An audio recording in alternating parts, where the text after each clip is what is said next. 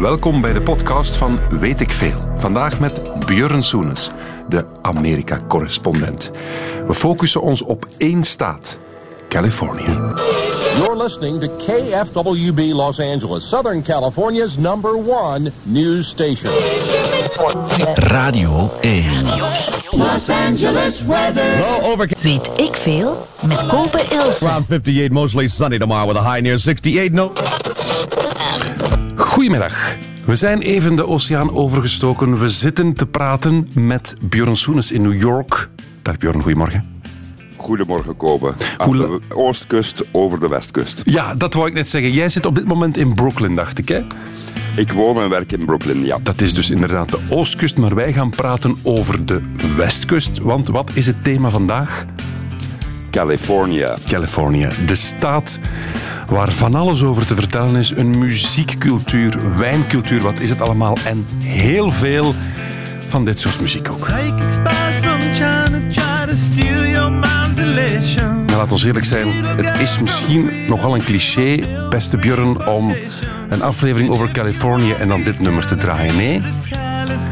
Wel, op dit moment gaat het niet zo lekker met Californië. Het is de staat in Amerika met de meeste coronabesmettingen. Meer dan een half miljoen, 9000 doden. Dus Californië is op dit moment, zoals de rest van de wereld, niet zoals het ooit is geweest. Oké, het is een beetje chaos daar, dan gaan we dat proberen illustreren. Dus dit is mijn pimped out, chromed out truck.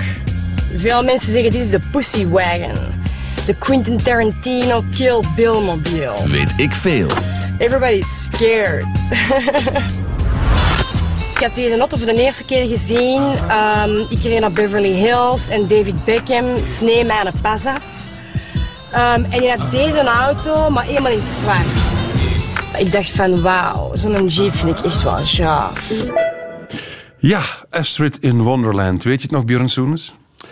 Wel, ik moet zeggen, ik ken zeer goed haar broer, Lau, de Lau. Ik heb hem al gast, een paar keer zeer toffe gast. Ik heb hem al een paar keer opgezocht in de heuvels van Hollywood.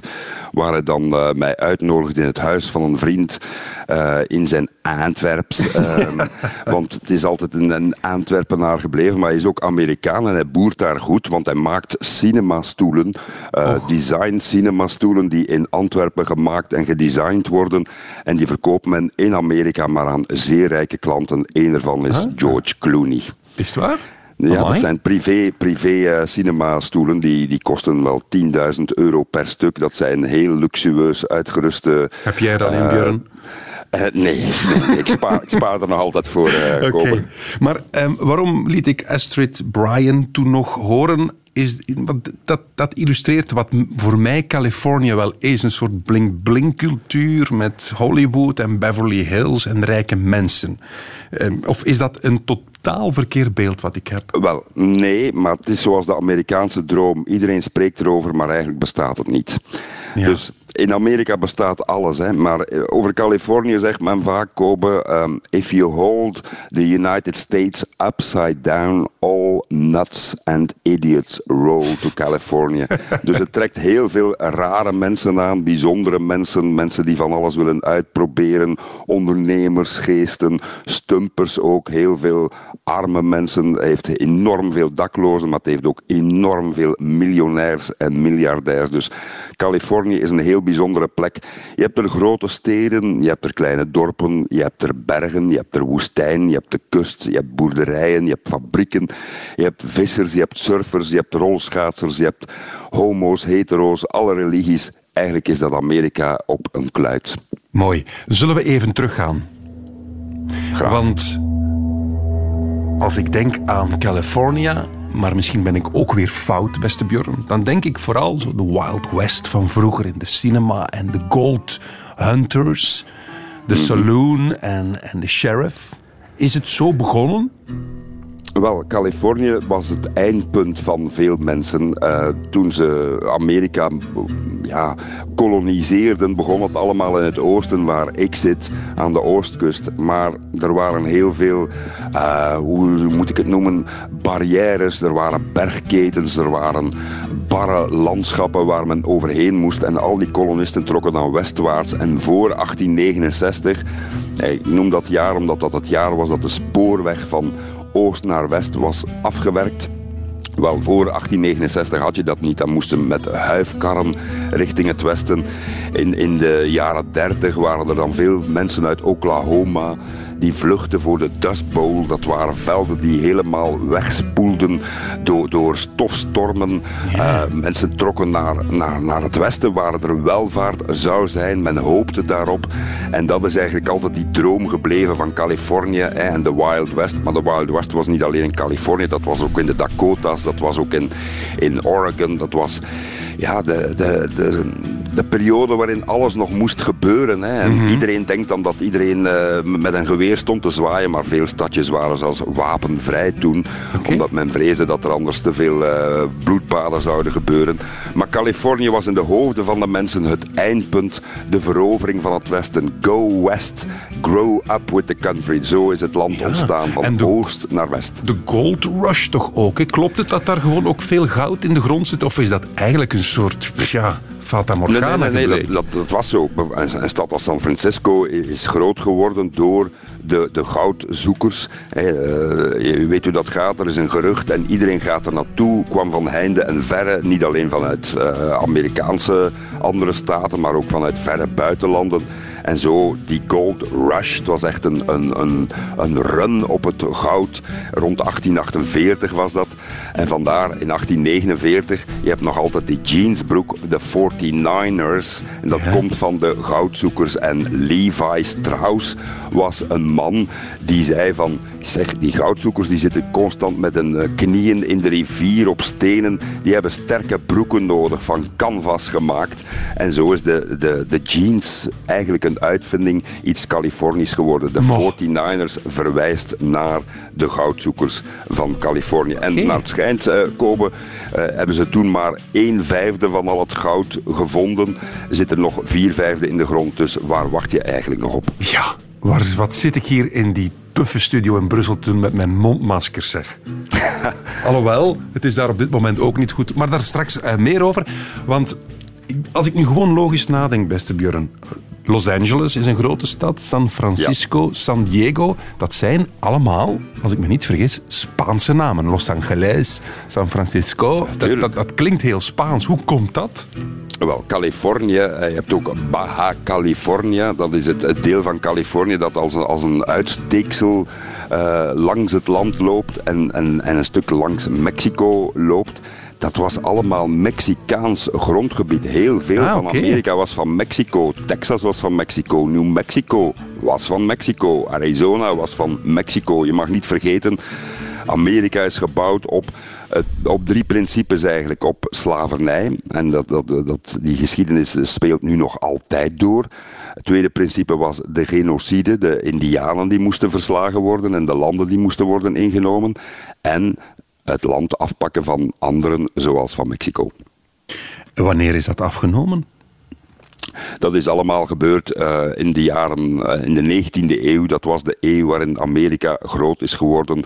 Toen bleek dat er veel goud zat, zeiden ze, kom, het is van ons niet alleen dat, maar, maar uh, ja, Amerika breidde uit en het was niet tegen te houden. Denk bijvoorbeeld aan hele stukken in het midden van de Verenigde Staten. Dat, dat, dat hebben ze gewoon gekocht van Napoleon. Napoleon had veel geld nodig om zijn oorlogen te voeren, die hij uiteindelijk verloor, weet je nog, in Waterloo. Mm -hmm. Maar in 1803 is er een heel stuk uh, voorbij de Mississippi verkocht, gewoon door de Fransen, hè, want er waren veel kolonisatoren, door de Fransen aan de nieuwe Amerikanen. En uh, ze noemen dat de Louisiana Purchase. Maar dat was veel meer dan Louisiana. Dat was een enorm grondgebied dat voor een habbekrats aan de Amerikanen is verkocht om oorlogen te financieren. Maar kijk, er zijn veel oorlogen geweest in Texas, in Californië, met Mexicaanse generaals. En Amerika heeft dus zeer grote delen van het land mm -hmm. van Mexico ingenomen. Californië is daarin van. Ze zeggen wel eens over New York dat dat zeker niet het echte Amerika is, dat dat een soort vrij Europese metropool is. Kan je van Californië dan zeggen dat, of niet? Ik zou toch niet zeggen dat, eh, dat, dat New York een Europese metropool is. Of toch Eh, wat soms heb- invloeden heeft, die oostkust. Maar Tuurlijk, het is daar begonnen. En Ja, het is voilà. begonnen met, met Engelse eh, mensen die, die, die kolonisator waren. Ze waren door Engeland naar Amerika gestuurd om nieuwe, nieuwe gronden, nieuwe landen te ontdekken.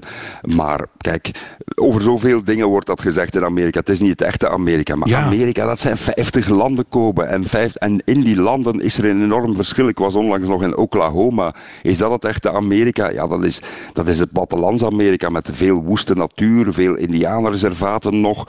Eh, maar daar ook, ook daar heb je steden en moderniteit. Dus kijk, zoveel dingen zijn wel en niet het echte Amerika. Het echte Amerika is de, de optelsom van al die eh, nuts and idiots who roll onder meer to California. Maar het verschil, ik ben er ooit geweest, het verschil tussen New York, wat een stad in de hoogte is, en Los Angeles, wat een stad in de breedte is, ja, dat is wel yin en yang, hè?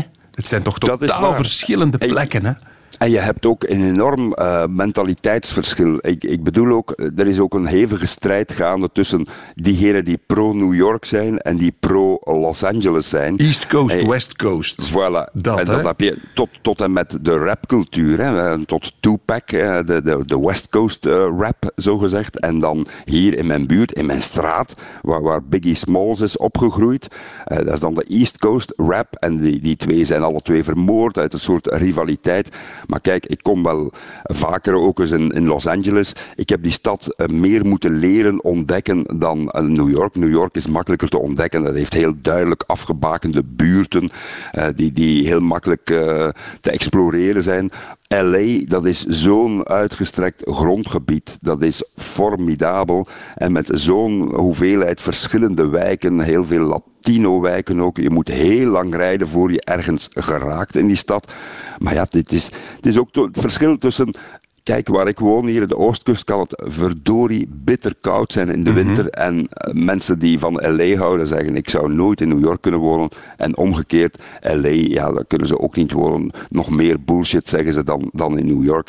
Dus het is, het is heel verschillend, maar het is ook alle twee Amerika. Hè. Dus, het is- maar ja, ja, het is ook niet zo. Het is ook niet, voor mij is het niet yin en yang, maar het is, het is anders. Het is anders. En het is één land. En het ene is het oosten, het andere is het westen. Maar LA moet je, zoals whisky, leren ontdekken. It's an acquired taste. En hoe meer je er gaat, hoe meer je ervan houdt. Weet ik I learned something fascinating about California. It's the most diverse state in the country because uh, 160 years ago there weren't a lot of people living there, and then one guy found one little piece of gold, and then men from every corner of the planet came to strike it rich, and then they were followed by women who follow men who follow money, and that's pretty much how the West was won. First the gold diggers, and then the gold diggers.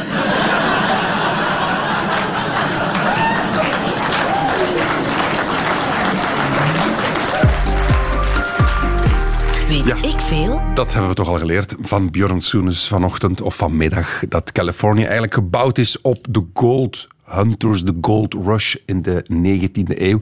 Maar dat het ondertussen eigenlijk niks meer met goud te maken heeft. Want Björn, je zei het helemaal aan het begin, dat het mm, op dit moment eigenlijk niet zo goed gaat met die staat.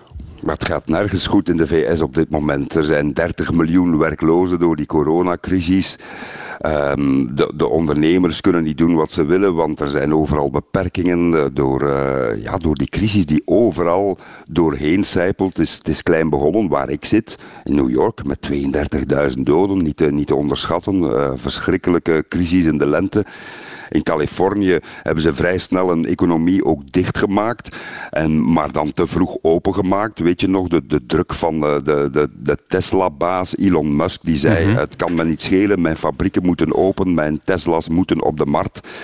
Wat toch wel eh, typisch eh, een beetje Californische mentaliteit was van wij moeten ondernemen, wij moeten geld verdienen, dus we trekken er ons niet veel van aan. En nu zitten ze met de gebakken peren, ze zitten met... eh, Ja, hoe erg is het daar? Is het daar ehm, op zijn Antwerps of nog, nog, nog veel erger? Ja, een beetje erger. Want kijk, om, om, het, om het uit te drukken, in België zegt men het gaat heel slecht. Eh, Men heeft dan 500 besmettingen op een dag of 600. Kijk, New York zegt dat de, de curve gecrashed is. En dat wil zeggen dat er hier 500 of 600 besmettingen op één dag zijn. Ehm, dat wordt hier als heel weinig ervaren, maar in Californië zijn er nu elke dag 7, 8, 9, soms 10.000 nieuwe besmettingen. Men zit al over de 500.000. En voor een staat met 40 miljoen inwoners die het moet hebben van nieuwe economie, van eh, nieuwe initiatieven, van ondernemerschap. Zo'n grote staat met zo'n grote diversiteit, veel landbouw ook, eh, producten die niet van het veld worden gehaald of kunnen worden gehaald, niet kunnen worden verkocht. Ja, dat is dramatisch. Hè? Dus we zullen zien wat dat allemaal oplevert. En als, als de federale overheid geen geld geeft aan, aan de staten zoals Californië, want Californië, we mogen dat nooit vergeten, dat is eigenlijk een groot land op zich. Hè? Dat is tussen, tussen de grootte van Duitsland en Frankrijk in. Het is 14 keer in België. Het is 420.000 vierkante kilometer. Dus Californië, mijn hart bloedt, zoals mijn hart bloedt voor vele eh, stukken van Amerika nu. Ja, omdat de, de, de crisis niet echt kordaat wordt aangepakt, eh, blijft men eh, voortsputteren en, en wordt het van, gaat het van kwaad naar erger. Kijk eens in de glazen bol. Is, zou dit echt ja, het, einde van, van het Eldorado-verhaal zijn van, van, van die staat? Kijk, als denk ik pessimistisch ben, eh, Amerika zit een beetje aan, ik ga niet zeggen aan het eind van zijn Latijn, maar we voelen dat het systeem niet echt meer werkt. En Californië is daar een zeer goed voorbeeld van komen, namelijk hier zit alles samen in Californië, namelijk ultra rijk, veel te rijk eigenlijk. Soms mensen die, die duizend keer meer verdienen dan, dan eh, iemand die, die gewoon in een bedrijf werkt of in de hamburgerzaak. En dan die stumpers gaan naar San Francisco, ooit het, het centrum, het mekka van de tegencultuur, van Ja, de hippies, ja. en, en van de, van de contro, eh, controversiële nieuwe dingen die daaruit getest werden. Maar als je daar nu gaat, de oorspronkelijke bewoners kunnen er niet meer wonen. Ze moeten voor een eenkamerflat 5000 dollar per maand betalen. Niet meer leefbaar. Eh, eh, Als ik daar op café ging, zei men het is niet meer zoals vroeger. Er zijn geen buurtbewoners meer. Hier wonen alleen nog nerds en aanverwanten, want ze komen allemaal uit Silicon Valley. Dat is dus zo een paar tientallen kilometer onder San Francisco. Maar kijk, goedkope huizen die vroeger 200.000 dollar kosten, wat goedkoop is in Amerika, die gaan nu voor 2 miljoen over de toonbank, want die mannen hebben geld. Dus het, de kloof tussen arm en rijk is zo groot. En om op je vraag te antwoorden, die coronacrisis die legt alles zo helemaal bloot over die tegenstellingen dat het eigenlijk niet meer houdbaar is en dat veel mensen nu beginnen te zien dat, ja, dat men naakt staat. Hè. Dit is Warren Buffett, je weet wel, die rijke belegger Ja, die ooit ja. zei, het is pas bij app, dus als het laag water is, dat je ziet wie zwemt zonder badpak. Wel nu, er zijn veel Amerikanen die staan naakt en zonder badpak. En er is een lange kustlijn ook daar. Dus, eh, goed, Of niet goed. dat was even de miserie, beste Bjorn. Maar Ja. laat ons niet vergeten, de mensen, die er, al een, ja, de mensen die er al een, een roadtrip hebben gedaan. Het is wel een magnifiek stukje planeet, hè? Californië is een van de mooiste gebieden ter wereld, vind ik. En zo divers. Ik heb het al gezegd. Woestijnen, kustlijnen die adembenemend zijn.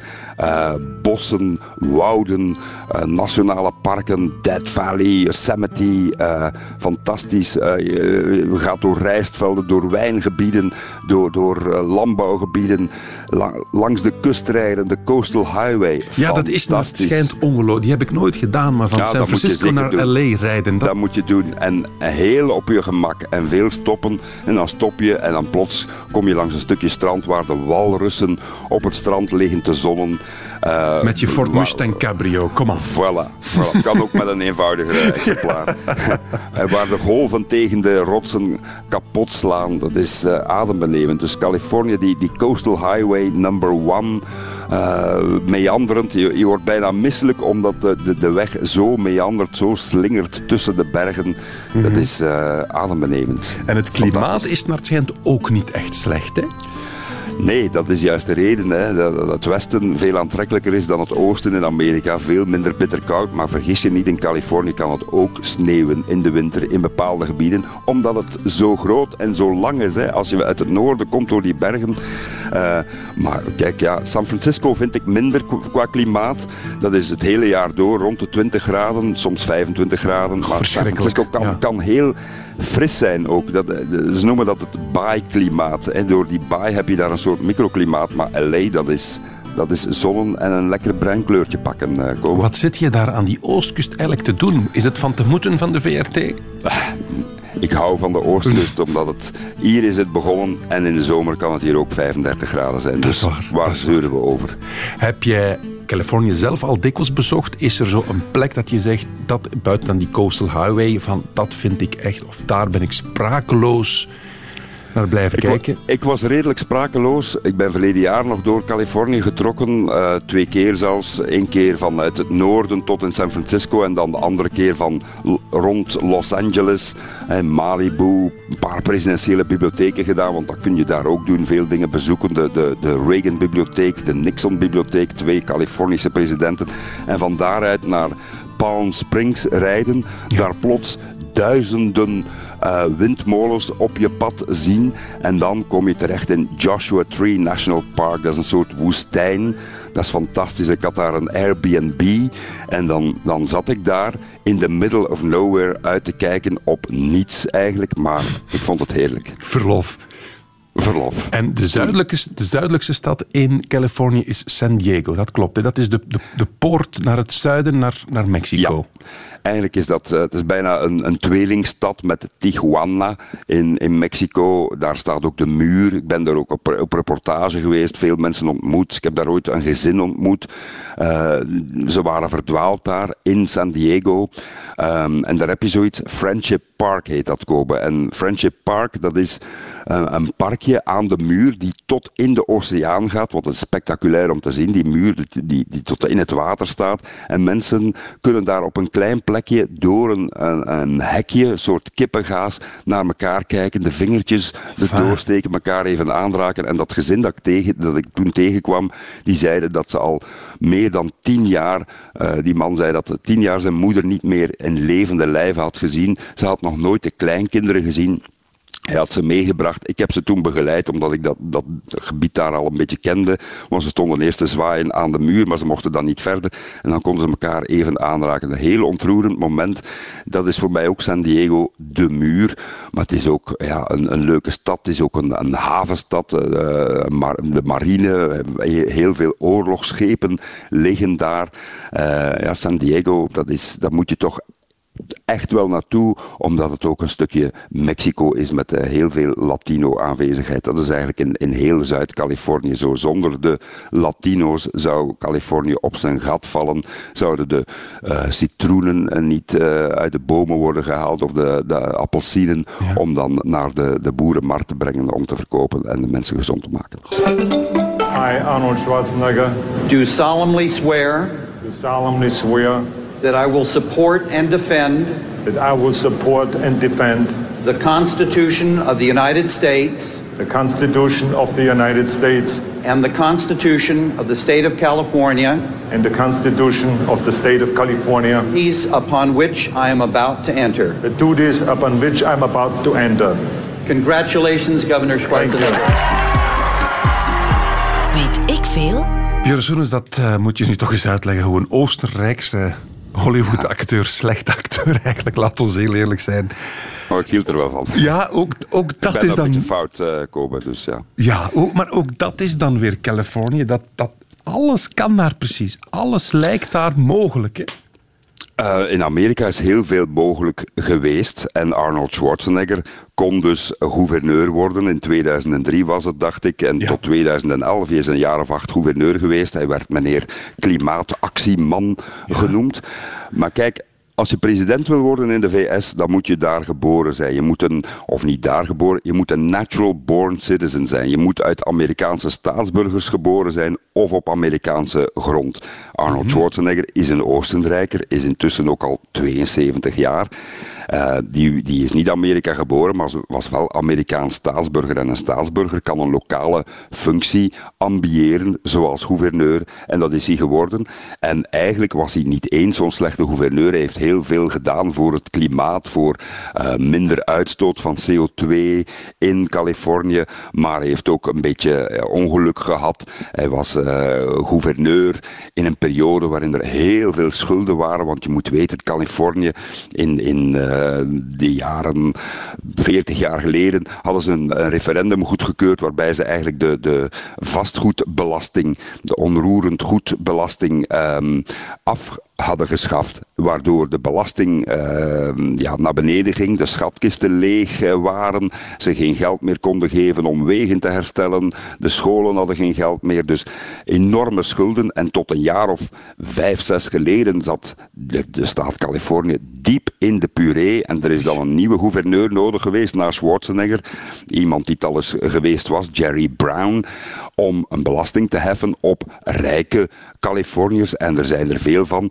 En als je daar bijvoorbeeld 1% extra belasting heft, of 2% op mensen die een kwart miljoen of meer of een miljard verdienen per jaar, ja, dan brengt dat geld in het laadje. Dus Schwarzenegger, een dubbel, dubbele balans. Uh, zeer goed op bepaalde vlakken, een ramp op andere vlakken. Maar kijk, dat kan allemaal. Je kunt alles worden. Kijk, er is zo'n mooi liedje van Woody Guthrie, Do Re Mi. Dat zegt van uh, wie, wie er allemaal aangetrokken wordt naar Californië en ze, ze verlaten hun eigen Dust Bowl en ze verwachten in Californië een Sugar Bowl te vinden komen. Dus de Sugar Bowl, de suikerpotten staan daar en dat trekt aan natuurlijk. Dat is zoals de vliegen of de insecten op uh, de bloemenkelken afkomen. Zo Mhm. komen mensen af op Californië. De, de belofte van een beter leven, de belofte van vrijheid en rijkdom. die En beroemdheid, want ik associeer toch ook heel de filmbusiness, Hollywood. Ja, we zijn Ja. er, de, witte, de witte letters op de bergen rond Los Angeles. Ja. Ja, dat heeft toch, denk ik, voor ons allemaal het beeld bepaald van die, van die staat Hollywood. Zeker. Hè? Dat is Zeker. Californië toch? Of ook En toch is het ook weer begonnen in, in New York en New Jersey, want Thomas Alva Edison, je weet nog wel, de uitvinder van de gloeilamp, die heeft eigenlijk de filmsector opgestart, maar hij was zo'n monopolist, dus hij probeerde mensen uit te knijpen, zodat anderen dachten van, kom, als wij hier zelf een zaak willen opstarten, dan moet dat toch goedkoper kunnen, in betere omstandigheden. En Californië, wat had dat? Het was goedkoop, de grond was nog goedkoop, toen. Eh, er was veel zonlicht. Je kon lange draaidagen maken voor die film. En zo is Hollywood ontstaan. En, eh, maar kijk, ook Hollywood is veel van zijn pluimen verloren, want veel Hollywood-films, Kobo, worden nu in Canada gemaakt. Oei. Om, om maar eh, te zeggen. En veel mensen die vroeger aangetrokken waren tot San Francisco of LA, die gaan nu naar Raleigh, North Carolina of Austin, Texas. Dus er zijn veel nieuwe andere Walhallas nu in, in de VS. Maar die filmcultuur, ja, dat spreekt tot de verbeelding. Er is nu zelfs een, een mooie Netflix-serie die heel goed die pionierstijd weergeeft. Het is een suikerverhaal, maar wel goed gemaakt. Enorm goed gemaakt. En het heet Hollywood. En ja, als je daar rondrijdt en je ziet dat bord staan, dan heb je het gevoel, ik zit nu zelf in een film. Ja, en je rijdt- je letters, hè? rijdt- Absoluut. Maar het is soms ook ontgoochelend, want als je dan naar, naar Hollywood zelf gaat en de, de Walk of Fame, daar zie je vooral veel daklozen, dan zie je vunzigheid. Dat is niet echt eh, een buurt waarvan je zegt... Met eh, die hier- sterren van die acteurs op de grond. Dat, dat, Ja, ja, dat ja, bedoel ja. je. Dat is eigenlijk een, obscure buurt. Ehm, dat ligt dicht bij een obscure buurt en dat is echt niet de, de glamour en glitter die je daarvan verwacht, maar dat is vaak zo. Hè. We, we maken vooral werelden, je zei het al zelf, neem mij mee op een mentale reis. Hollywood is, is ook een idee natuurlijk, Eh, maar het is, ook, keihard werken. En ik heb actrices, acteurs ontmoet, Eh, je ontmoet ze meestal in, cafés en restaurants. Ah, hi, how are you? Eh, who are you? I'm an actor. Maar de meeste acteurs en actrices werken als ober in een restaurant. Dus ze hebben grote dromen en ze mogen dan eens meedoen in een klein bijrolletje. En dan moeten ze ehm, ja, weer, weer vechten om een auditie te krijgen. Dus het is keihard. Er zijn veel gebroken dromen. Er zijn veel mensen die iets willen, maar het niet krijgen. En daarom verwondert het mij ook niet dat er zoveel druggebruik is in Amerika. Ook in Californië veel crystal meth gebruik. Ehm, ja, mensen hebben blijkbaar iets nodig om, als de droom niet uitkomt, hun wanhoop te verdrinken of te verspuiten of te verroken. Ja. Klopt het dat dat Hollywood Sign eigenlijk een reclamepaneel was vroeger? Dat dat per Ja, toeval daar is, is Het was overgebleven. oorspronkelijk ook Hollywood Land, Hollywood Land. Ehm, ja, het was bedoeld om reclame te maken voor land dat te koop was. En, en jarenlang werden die letters, die, die oorspronkelijk maar voor, voor anderhalf jaar geplaatst waren, niet onderhouden. En dan heeft de Kamer van Koophandel in, in Hollywood dat onderhoud van die letters overgenomen. En dan hebben ze Land laten vallen. Bijvoorbeeld in die reeks Hollywood zie je nog Hollywood Land staan. En het verhaal daarachter is dat er een vrouw een villa had gezien en die heette dan Hollywood Land. En ze wou dat ook. En zo is dat in die bergen terechtgekomen. En ze hebben een tijdje gedacht om ze weg te halen, maar dan eh, grote sterren zoals eh, Steven Spielberg en Tom Hanks eh, hebben dan ervoor gezorgd dat die letters zijn gered. En kijk, als je daar rondrijdt, moet je zo de juiste straat zoeken om dat te kunnen fotograferen, om dat te kunnen zien. En dan heb je een larger-than-life gevoel. Maar ik had veel meer een, een ongelooflijk gevoel, eh, Kobe, toen ik eens uitgenodigd werd. Ik heb het al gezegd, door de Lau in de Hollywood Hills. Ehm, ik heb daar ook afgesproken trouwens met Dominique de Rudderen, die ook zijn leven heeft proberen op te bouwen in Hollywood, in Los Angeles. En hij vertelde dan over zijn, zijn zoon die naar de filmschool wou. Dat was dan 90.000 dollar per jaar opleiding. Dat gaat dan niet, dus de, de gebroken dromen. Maar waar ik over wil eh, vertellen is Eddie Kerkhoffs. Ken je Eddie Kerkhoffs? Is dat niet een chef? Dat is een chef. En die, die man heeft hebben en houden gepakt, is naar Amerika getrokken eind de jaren 60. In 77 heeft hij zijn eerste restaurant geopend, Le Dome. En dat was in de, in de gouden tijd nog. Ehm, en daar kwamen alle beroemdheden in zijn restaurant. Ze- je moet je inbeelden, ze hadden opgetreden, die sterren die willen een beetje rust. En die zeiden, kunnen wij na ons optreden nog een lekker hapje eten? En Eddie Kerkhoffs, ondertussen een jonge zeventiger, die zorgde voor dat hapje en heeft mij verhalen verteld. Ben in zijn huis geweest. Fantastisch. Eh, ik denk dat hij alle sterren van toen en nu al heeft ontmoet en die komen daar aan huis. Oh, gisteren was Rod Stewart hier nog. En Dun Elton is hier ook onlangs nog geweest. Elton John, Michael Douglas, Dudley Moore, Paris Hilton, Stevie Wonder. En ja, dat restaurant was zo populair. En hij zei, soms moest ik tussen beiden komen als een van die acteurs dan een beetje aangeschoten was en met biefstukken begon te gooien eh, naar de ander. En dan moest hij eh, streng optreden. Maar Eddie Kerkhoffs was een fenomeen. Die man zit zo vol verhalen. Is niet alleen een goede chef, want hij heeft toen gekookt voor mij ook. Ehm, hij had ook een hele knappe vrouw, een ex-stewardess, een Zweedse. Maar ik dacht al, eh, ik moet hier eh, snel zeggen dat ik? Ik, Ja. moet zeggen dat ik hier getrouwd ben, want die, eh, die mevrouw vond mij heel leuk. Hola. Dus, eh, dat is Hollywood, dat is de Hollywood Hills. En dat huis, dat ligt daar in die heuvels, dat is prachtig. Daar liggen exclusieve wijnen. Die mensen zijn heel warm, eh, gastvrij enzovoort. Dat was eigenlijk mijn Hollywood-ervaring. Veel meer dan dat droge bord te staan bekijken en langs straten te rijden waar motels zijn, waar ik zelf verbleven heb, waar je je niet echt veilig voelt. Er staat wel een prachtig neonlicht eh, reclame, maar het is allemaal een beetje vunzig, een beetje mm, ja, op het randje van dat je je niet helemaal veilig voelt. Want zoals ik zeg, er is altijd enorme ongelijkheid. Extreem rijk, extreem arm.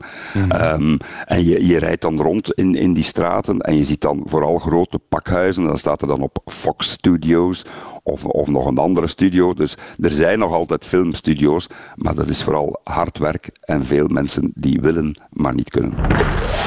Weet ik veel? uh, California, um, they overturned it at the last election. They had a referendum and they said no to gay marriage.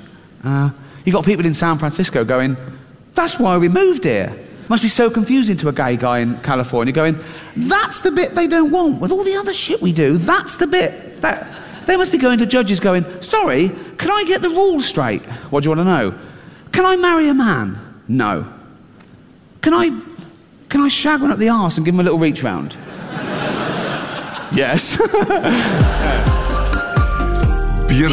Veel? Björn Soenens in Brooklyn over Californië. We hoorden Ricky Gervais over, Ja. een beetje klagen over het eh, feit dat, dat gay marriage nog niet eh, was goedgekeurd of terug is afgeschaft. Dat was, dat was ook zo. Hè. Ja, het was goedgekeurd en dan kwam er een referendum, die, vers- die verschrikkelijke soms referendumcultuur. Ja. Hè, dan gesponsord door eh, donoren die be- bepaalde belangen hebben. Waarschijnlijk. Voilà, en toen werd het gay marriage weer afgekeurd. Maar kijk, het- sinds 2015 is het geldig voor het hele land, dus het was niet meer aan de orde. Toch. Ehm, is het een progressieve staat? Kunnen we dat zo noemen? Eh, Kan ik daar een joint roken? Kan ik daar euthanasie plegen? Kan ik daar lang abortus plegen? Kunnen we, is, is dit zo'n plek? Wel, wat abortus betreft, het was een van de eerste staten die abortus toeliet. En vreemd genoeg was het daardoor ook een van de, dat is een heel omstreden theorie, daardoor ook een van de eerste staten waar de criminaliteit naar beneden ging. Dat is een heel omstreden theorie die zegt, Hola. sinds, sinds het legaliseren van abortus, je moet eigenlijk je inbeelden dat daardoor kinderen niet geboren zijn die in hele kwetsbare milieus zouden zijn opgegroeid. In eh arme, Central, ding, voilà, ja. moeilijke gezinnen en die, die eh, op straat leven, zich, zich in, in criminele milieus begeven omdat ze geen uitweg hebben enzovoorts. En je ziet in heel Amerika dat de criminaliteit heel fors daalt, 18 jaar na het invoeren van eh, de abortuswet. Maar kijk, we, wijken af. Californië was een van de eerste. Californië is zeer progressief, maar vergis u niet, Kobe is vaak ook heel conservatief. Je Hoezo? hebt een groot verschil tussen het noorden en het zuiden. Eh, wij, wij denken altijd dat heel Californië, dat het allemaal eh, progressieve eh, mensen zijn die alleen maar voor de democraten stemmen. Ja, ze stemmen overwegend voor de democraten, maar geen enkele staat in de VS is of helemaal democratisch of helemaal republikeins. Je hebt ervan soorten. En bijvoorbeeld onder LA heb je Orange County, dat is een zeer conservatief gebied waar, waar eh, heel veel eh, conservatieve congresleden ook verkozen worden. Dus het is veel gemengder dan we denken. Eh, En het is je- niet alleen maar liberals. Als je een nee. voorspelling doet voor november, de presidentsverkiezingen, is, is Californië dan een staat die sowieso voor Biden is? Sowieso? We kunnen daar geredelijk van uitgaan. Dat is geen strijdstaat. Ja, de vorige keer, kijk, eh, men zegt altijd Hillary Clinton had zoveel meer stemmen dan Donald Trump. Eh, drie tot vier miljoen. Maar kijk, van die drie miljoen meer stemmen, vier miljoen ervan waren extra's in Californië. Dus neem Californië weg en Hillary Clinton zou minder stemmen hebben gehaald in de rest van Amerika dan Donald Trump. Dus ja, we kunnen ervan uitgaan dat Biden daar met 4, 5 miljoen stemmen verschil wint. Maar er zijn 40 miljoen mensen, dus dat wil niet zeggen dat daar niemand voor de Republikeinen ja. stemt. Maar de Republikeinen voeren daar geen campagne voor de presidentsverkiezingen, omdat ze weten, het verschil moet maar één zijn om al die kiesmannen binnen te halen. Dus waarom zou een je campagne belangrijke, voeren? is het een belangrijke Ja. die staat qua kiesmannen? Is het een, is Ah ja, het- tuurlijk. Het, is, Ja. het, is, eh, het heeft het meeste kiesmannen. Het heeft Ah, oké. 55 kiesmannen en je hebt er 270 nodig. Dus dat is bijna een vijfde van de kiesmannen zit in Californië. Dus dat is wel belangrijk. Maar kijk, er zijn ook periodes geweest dat de Republikeinen daar wonnen. Hè. Ronald Reagan is daar Republikeins gouverneur geweest en is dan president geworden. Dus het hangt er een beetje vanaf welke figuren zijn er die, die mensen tot andere gedachten kunnen brengen enzovoort. Maar, een in Trump principe is, is ook is echt geen een- Trump-staat. Nee, het is echt een Oostkustfiguur ook, Trump, hè? Nee?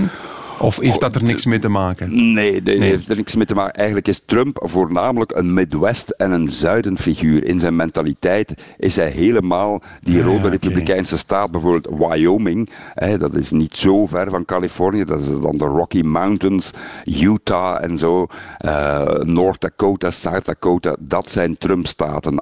Iowa, eh, Nebraska, Missouri. Dus de staten waar nog heel veel platteland is, waar mensen nog leven zoals ze in hun hoofd nog leven zoals vroeger, die houden van Trump. Trump wordt niet ervaren als een, als een stedeling die, die hen komt vertellen wat ze moeten doen. Zij ervaren hem als iemand van henzelf, een oorspronkelijke Amerikaan. Ik zeg dat niet, zij voelen dat zo aan. Björn, met, eh, normaal gezien, als alles goed loopt, heeft u daar nu een quiz voor u, zeg, voor, voor u liggen. Dat klopt. Ja, en voilà. eh, ik wou eerst nog zeggen, van, jammer dat we nu nog geen eh, wijntje kunnen drinken. Ja. Californisch wijntje. Ja, we hebben te weinig tijd, Björn. Ik wou inderdaad ook nog heel graag over de wijncultuur, over de vegan cultuur, want blijkbaar is, is er een ongelooflijk Absoluut. aanbod aan vegan Ja, restaurants. ja. En Maar- een goede hamburgerketen, de In-N-Out Burger. Dat wil ik als tip meegeven aan jou en de luisteraar. Ga nooit naar McDonald's, ga naar de In-N-Out Burger. Die betalen hun mensen een deftig loon. Je hebt maar vier keuzes, hamburger, cheeseburger, double-double. En Soenes. lekker. We hebben geen tijd voor ons quiz. Alleen Voilà. drie vragen als je wilt. Drie vragen. In welk jaar werd de definitieve spoorweg van west naar oost afgewerkt, Kobe? Nee, ach- 1849? Niet, fout. 1869. Tweede Wat vraag. heeft de jeans met Californië te maken? Ah. Welke figuur zit daarachter? Levi Strauss is een van die gold hunters, van die gold diggers geweest in der tijd. Tingeling, juist. Vraag 3. Welke route moet je zeker rijden in Californië? Ah, dat is jouw persoonlijke hoogtepunt geweest op een roadtrip van San Francisco naar LA, de Pacific Highway. Number En one. welke nummer? Number, Number one. one. Voilà. Twee op drie. We zijn er, we zijn er. Björn, Met dankjewel. Dankjewel. Word rustig wakker, het is ondertussen zeven uur, denk ik. Salut, Zal ik tot de doen. volgende. Dag, hè. Doei. Radio 1. Weet ik veel?